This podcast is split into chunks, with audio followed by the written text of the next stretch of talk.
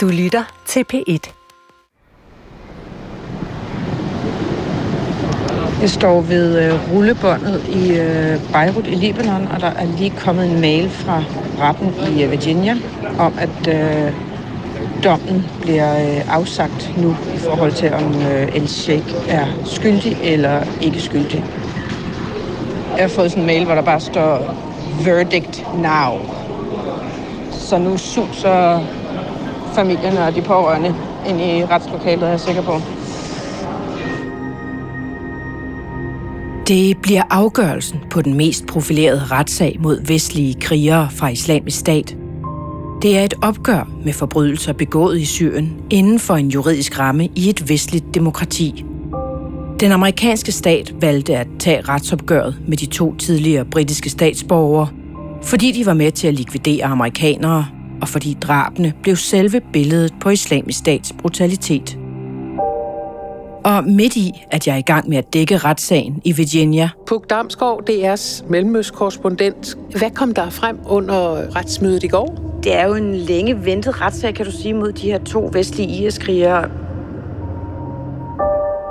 Så rammer en anden nyhed de danske medier. I Syrien der bliver situationen værre og værre for flere af de i alt fem børn med dansk statsborgerskab, der stadig bor i telte i den kurdisk kontrollerede Al-Rosh-lejr. Børnene er underernæret, og en af dem bør indlægges. Det viser en ny lægeerklæring, som DR har set. Og derfor anbefaler speciallæger og en organisation, at børnene evakueres til Danmark med det samme. Den nye rapport får en gammel diskussion til at plusse op. Hvem skal hjemtages, og hvilken risiko er der ved, at mænd, kvinder og deres børn sidder fanget i fangelejre eller fængsler på femte år, uden rettergang Og hvad de færreste ved er, at direktøren i spidsen for at drive de to store fangelejre, El Hol og El Roach, faktisk er dansk. For første gang står han nu frem og fortæller om, hvordan antallet af drab i El Hol-lejren er røget i vejret, hvem der egentlig betaler for at drive lejrene, og hvad han frygter vi i Vesten er med til at skabe af udfordringer for fremtiden. Det her er 8. episode af opgøret Vestens styre vakuum.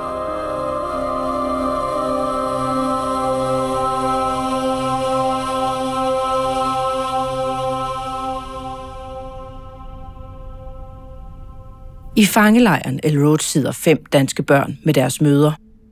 Møder, der tidligere har været danske statsborgere, men som har fået frataget deres statsborgerskab. Flere af børnene derimod er født inden møderne fik frataget statsborgerskabet, og derfor har den danske stat stadig teknisk set ansvaret for dem. Og flere af børnenes tilstand er blevet forværret den seneste tid, viser en ny rapport. Hej Puk. Den der lægerapport, den har jeg fået lov til at se i nogle af konklusionerne i. Og øhm, det er jo to speciallæger, altså en børnelæge og så sådan en børnepsykiater, som begge to var nede og besøge lejren øh, i maj sidste år. Hjemme i Danmark opdaterer vores retsanalytiker Louise Dalsgaard mig på situationen. De beskriver altså særligt en bekymring for øh, den fireårige dreng, der er dernede. Øh, han har PTSD, han har ADHD, og så skriver lægerne, at øh, han får et antidepressivt medicin, som man ikke giver til børn i Danmark. Han har heller ikke taget på, skriver lægerne, siden de var der i maj sidste år, så de er særligt bekymrede for ham og skriver, at de faktisk anbefaler det, der hedder en subakut indlæggelse. Det er sådan en indlæggelse inden for relativt kort tid, og de mener, at det skal ske på en specialiseret børneafdeling, som der jo ikke er adgang til dernede, og derfor skriver de også, at de mener, man bør overveje at medicinsk evakuere den her dreng. Og udover at være bekymret for den her fireårige dreng, så er lægerne også bekymrede for de to andre, for de har heller ikke taget særlig meget på i vægt og er fortsat øh, undervægtige og meget undervægtige.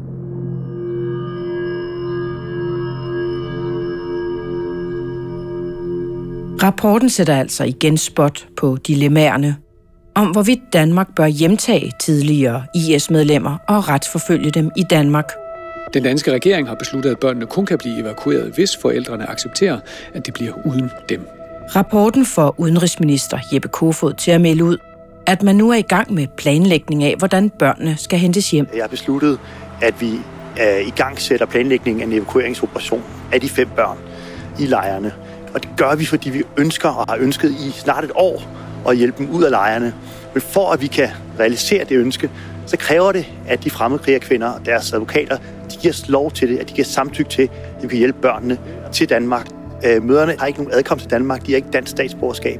De har statsborgerskab i lande, der ligger tusinder af kilometer væk herfra. De har tilsluttet sig terrororganisationen Islamisk Stat. I Danmark vil sådan nogle mennesker blive retsforfulgt og sat i fængsel, og dermed adskilt fra deres børn. Over årene har jeg fulgt debatten i Danmark, og samtidig hvordan forholdene i fangelejrene har udviklet sig. Og her er jeg kommet i kontakt med en mand, der har et indgående kendskab til, hvad der foregår i lejrene. Fra første parket oplever han, hvilke udfordringer der er ved, at de tidligere IS-medlemmer på femte år bor i midlertidige fangelejre. Manden hedder Stig Marker Hansen. Jeg troede egentlig ikke, at en type som dig nødvendigvis ville have lyst til at tale med medier med mig. Hvad er din motivation for at deltage nu her? Min motivation bunder simpelthen i, at jeg synes, at det vil være godgørende at få mere nøjagtig information ud til en større kreds. Og grunden til, at det kan være fordelagtigt, det er simpelthen, at vi pt. oplever levestandarder i lejrene, som jeg mener er uansvarlige.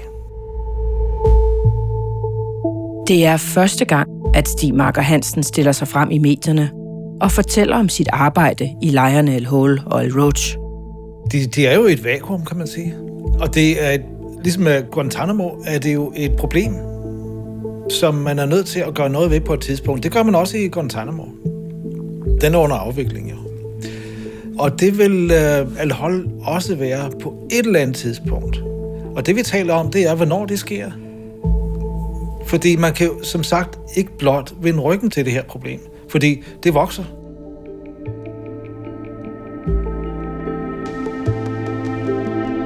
Stig Marker Hansen har rødder i København og Nordsjælland, men når han tager på arbejde, foregår det flere tusind kilometer væk. Siden oktober 2020 har han været direktør i det amerikanske firma, der blandt andet leder de omdiskuterede lejre El Hole og El Roach i det nordøstlige Syrien. Vi sidder jo i din lejede lejlighed i Erbil, et sted på 22. etage.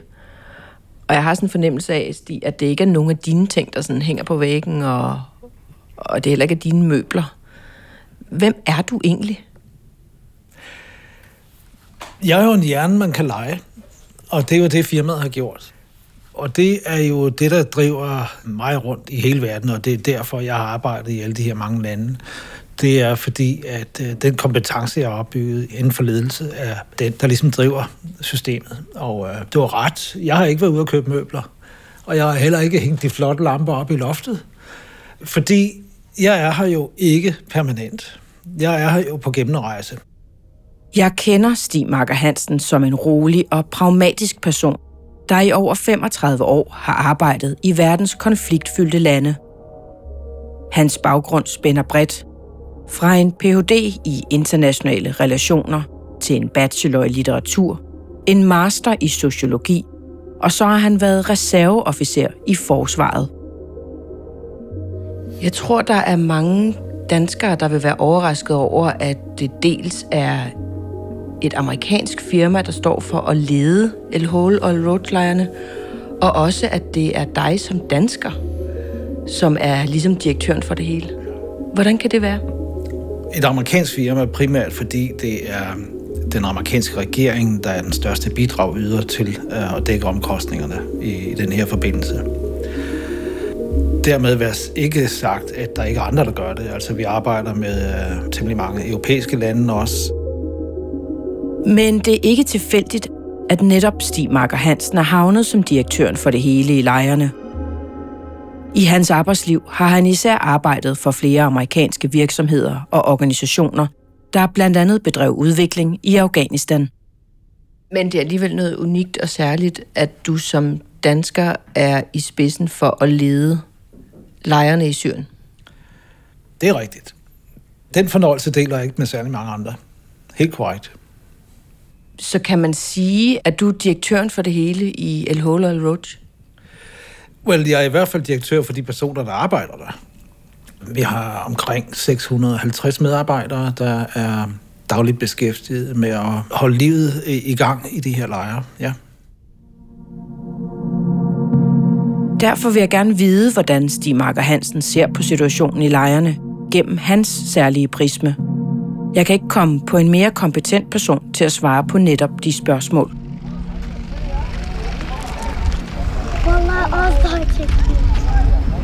Lejren er etableret i ørkenen på en vindblæst baktop og er omgivet af et blåt hegn, som er sat op af FN, som har det overordnede beskyttelsesansvar sammen med den lokale regering. Det vil sige den lokale kurdiske regering. Det er en selvstyreregering, som ikke er anerkendt som sådan.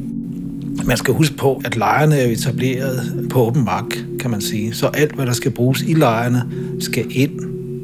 Og alt, hvad der ligesom er i overskud i lejrene, skal ud igen. Så det er det, vi gør. De 650 medarbejdere står for hver dag sammen med den lokale regering at levere alt det, beboerne har brug for, fra toiletpapir til mad, vand og en frisørsaks, og til koordinering af sundhed og uddannelse.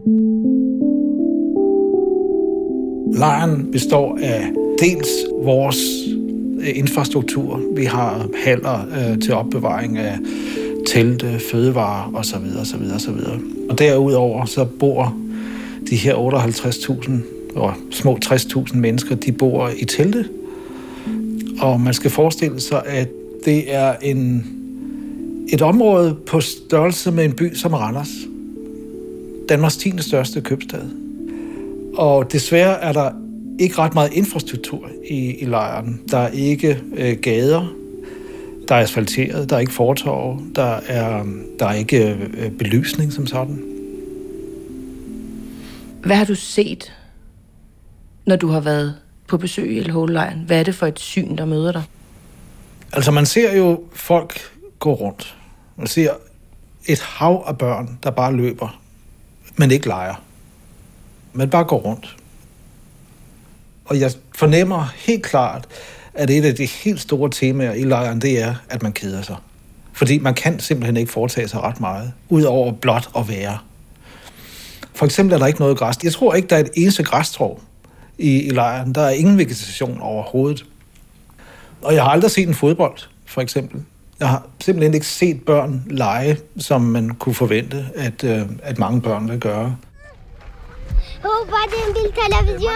Omkring 36.700 ud af Al-Hol-lejrens ca. 60.000 indbyggere er børn under 17 år.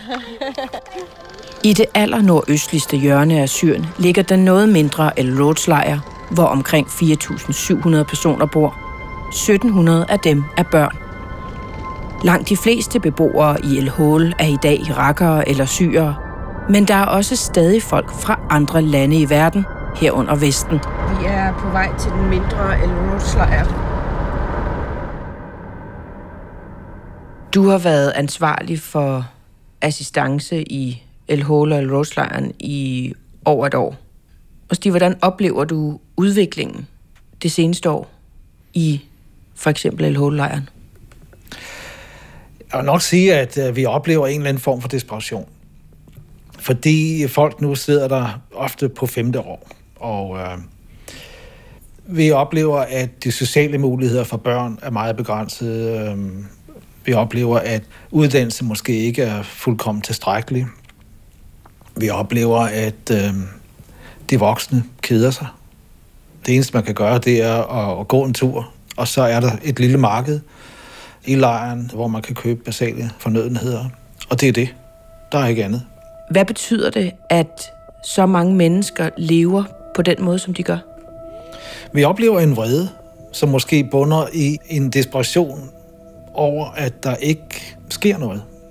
Og så oplever vi for eksempel, at børnene angriber de byggeprojekter, som vi har i gang. Det kan være et eksempel. Så Når vores lastbiler kører ind med byggematerialer, så bliver de bombarderet med sten, for eksempel. Vi oplever, at telte bliver skåret op, og vi oplever, at sikkerhedssituationen bliver forværret. Det har for eksempel udmyndet sig i, at morretten er gået voldsomt op over det sidste år. Hvordan oplever og ser du den radikalisering, når du går rundt i lejren? Oplever du en aggressivitet mod dig, for eksempel? Jamen, det er altså... Vi bevæger os ikke rundt i lejrene uden sikkerhed. Det kan vi ikke. Der er en, en vrede, som er helt klar, og når jeg er der, så får jeg helt klart at vide, at jeg skal holde mig til vores eget område. Vi bor jo bag pigtrådet i lejrene, altså vi har vores kontorer og så videre der. Alene i 2021 har der været hele 83 mor, fortæller Stig Marker Hansen.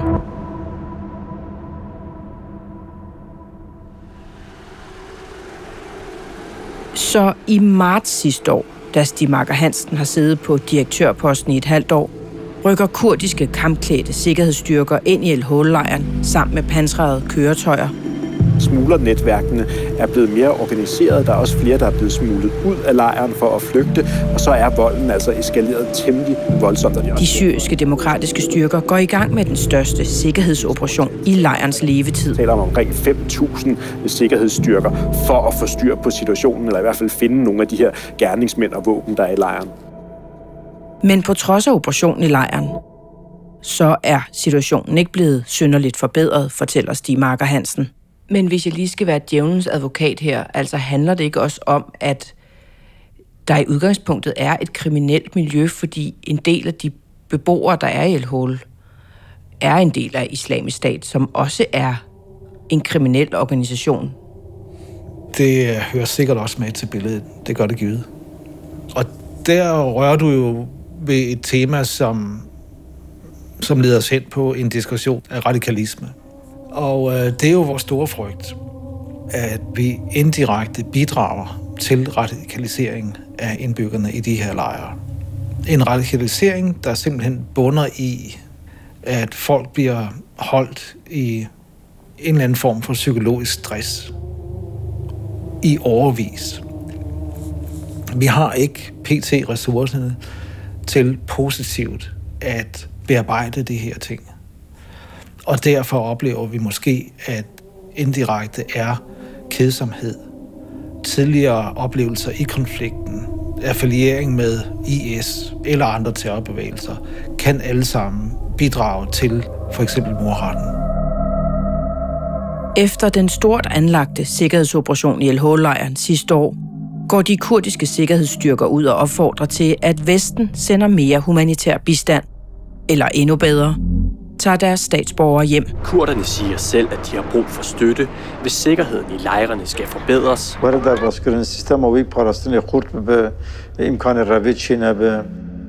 Blandt andet siger den kurdiske vicepræsident, at mange IS-fanger har forsøgt at flygte, og alle ved, at hvis de lykkes med at flygte, så tager de mod Tyrkiet og videre til Europa, hvor de kan gøre, hvad de vil. Europa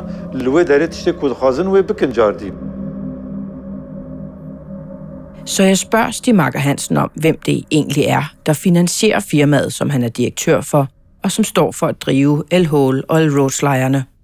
Vi arbejder med den, den franske regering, den tyske regering, den amerikanske, Kanada.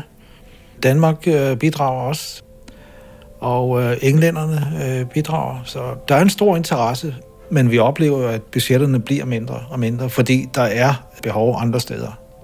Hvad koster det for Vesten at drive de lejre? Jeg tror ikke, der er nogen, der har overblikket over, hvad det koster. Fordi det er jo bidrag, der er stykket sammen af bilaterale midler fra de forskellige øh, bidragende lande. Men det er dyrt. Vores budget for at håndtere dagligdagen ligger på omkring 50 millioner om året. 50 millioner dollars, eller cirka 350 millioner danske kroner, koster det altså årligt at håndtere dagligdagen i de to lejre. Altså alene for det firma, Stig Marker Hansen arbejder for. Men hvis nu du skulle hente funding i morgen, hvad vil du så bede om for at få dækket behovet? hvis behovet er, at man gerne vil forbedre levevilkårene, og at man gerne vil adressere den usikkerhed, der er der, så skal vi nok op i nogle 100 millioner dollars, ligesom for at gendesigne lejren, så den bliver et mere sikkert sted og et mere fungibelt sted for 60.000 mennesker.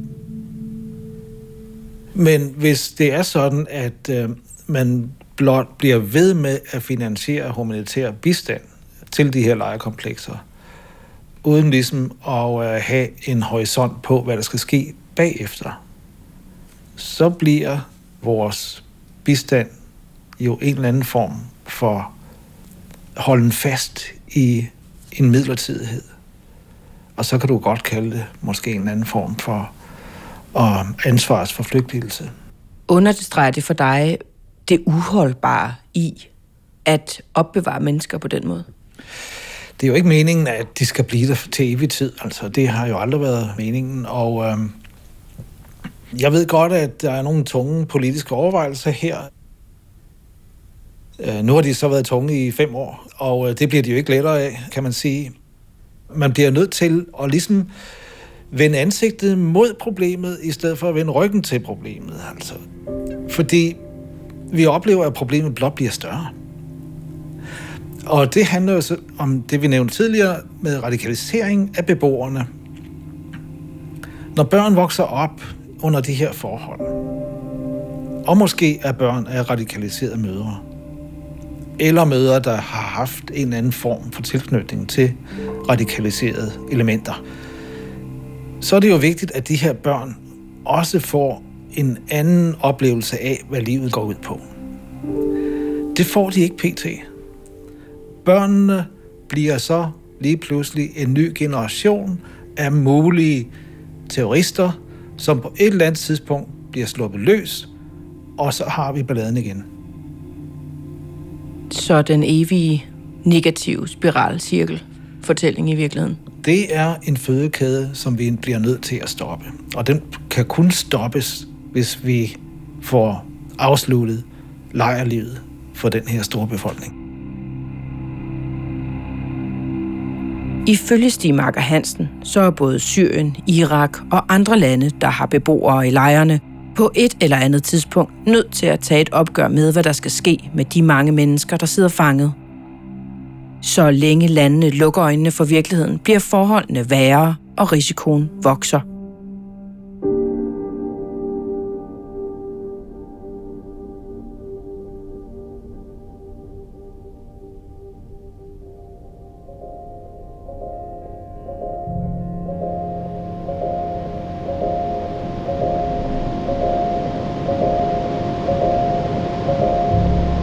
Tilbage i retten i Virginia er juryen blevet enige i det, der er blevet kaldt det mest profilerede retsopgør mod medlemmer af islamisk stat. I ene rum har medlemmerne vendt alle retssagens beviser, argumenter og vidneforklaringer og er nået frem til deres kendelse. Og netop nu øh, får jeg at vide, at El Shaf El Sheikh er blevet erklæret skyldig i samtlige anklager mod ham af nævningetinget i retten i Virginia.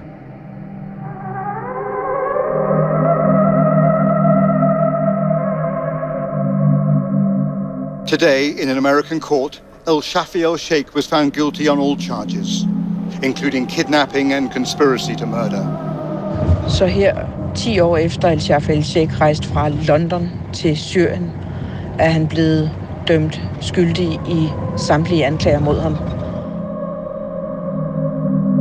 Det er især El Sheikhs egne ord i interviewet med John Langen, der ender med at fælde ham, mener retten. Hans straf skal afgøres til august i år. Anklagemyndigheden går efter livstid, da Storbritannien satte som krav for samarbejdet med amerikanerne, at deres tidligere statsborgere ikke kunne idømmes dødsstraf. Samme aften sender Daniel mig en besked. Hej Puk. Jeg har lige fået øh, en meddelelse på min øh, telefon, og øh, det skete lige, da jeg fandme lige havde rykket blæen halvt af min, min sidste fødte. Og, øh, og så kunne jeg se, at der var kommet om, at øh, han var blevet kendt skyldig. Og øh, det måtte jeg jo så kvartere med at skifte en, øh, en lorteblæ, for derefter kunne hive armene lidt i vejret og ringe til min mor og far og, og fortælle dem nyheden. Så det er sådan lidt en, det er lidt en vild situation at stå i. Jeg ved ikke helt, hvordan jeg egentlig har det med det.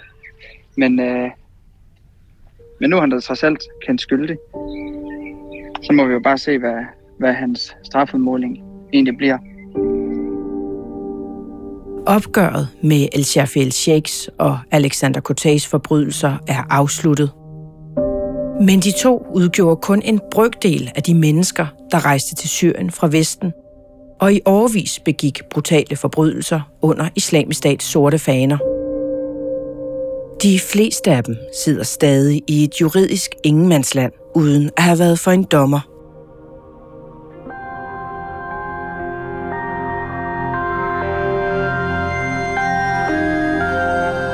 Det her var 8. episode af Opgøret. Hvis du synes, historien var vigtig, så fortæl gerne om den til folk, du kender.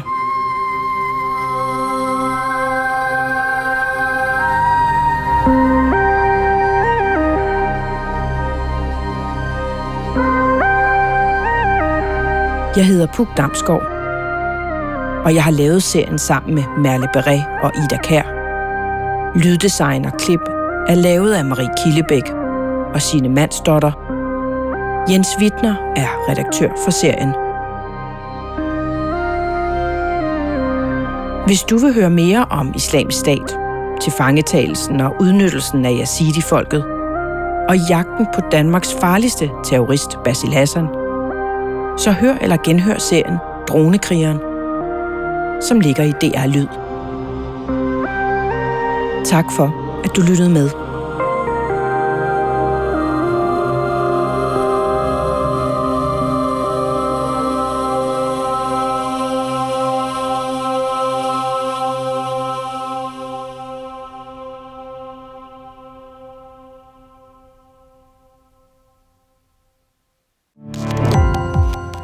Gå på opdagelse i alle DR's podcast og radioprogrammer. I appen DR Lyd.